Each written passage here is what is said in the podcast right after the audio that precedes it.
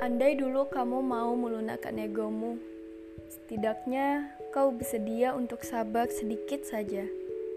Atau setidaknya menunggu segalanya mereda, agar ada celah untuk kita memberi jeda. Namun sayangnya, kau memilih menyudahinya.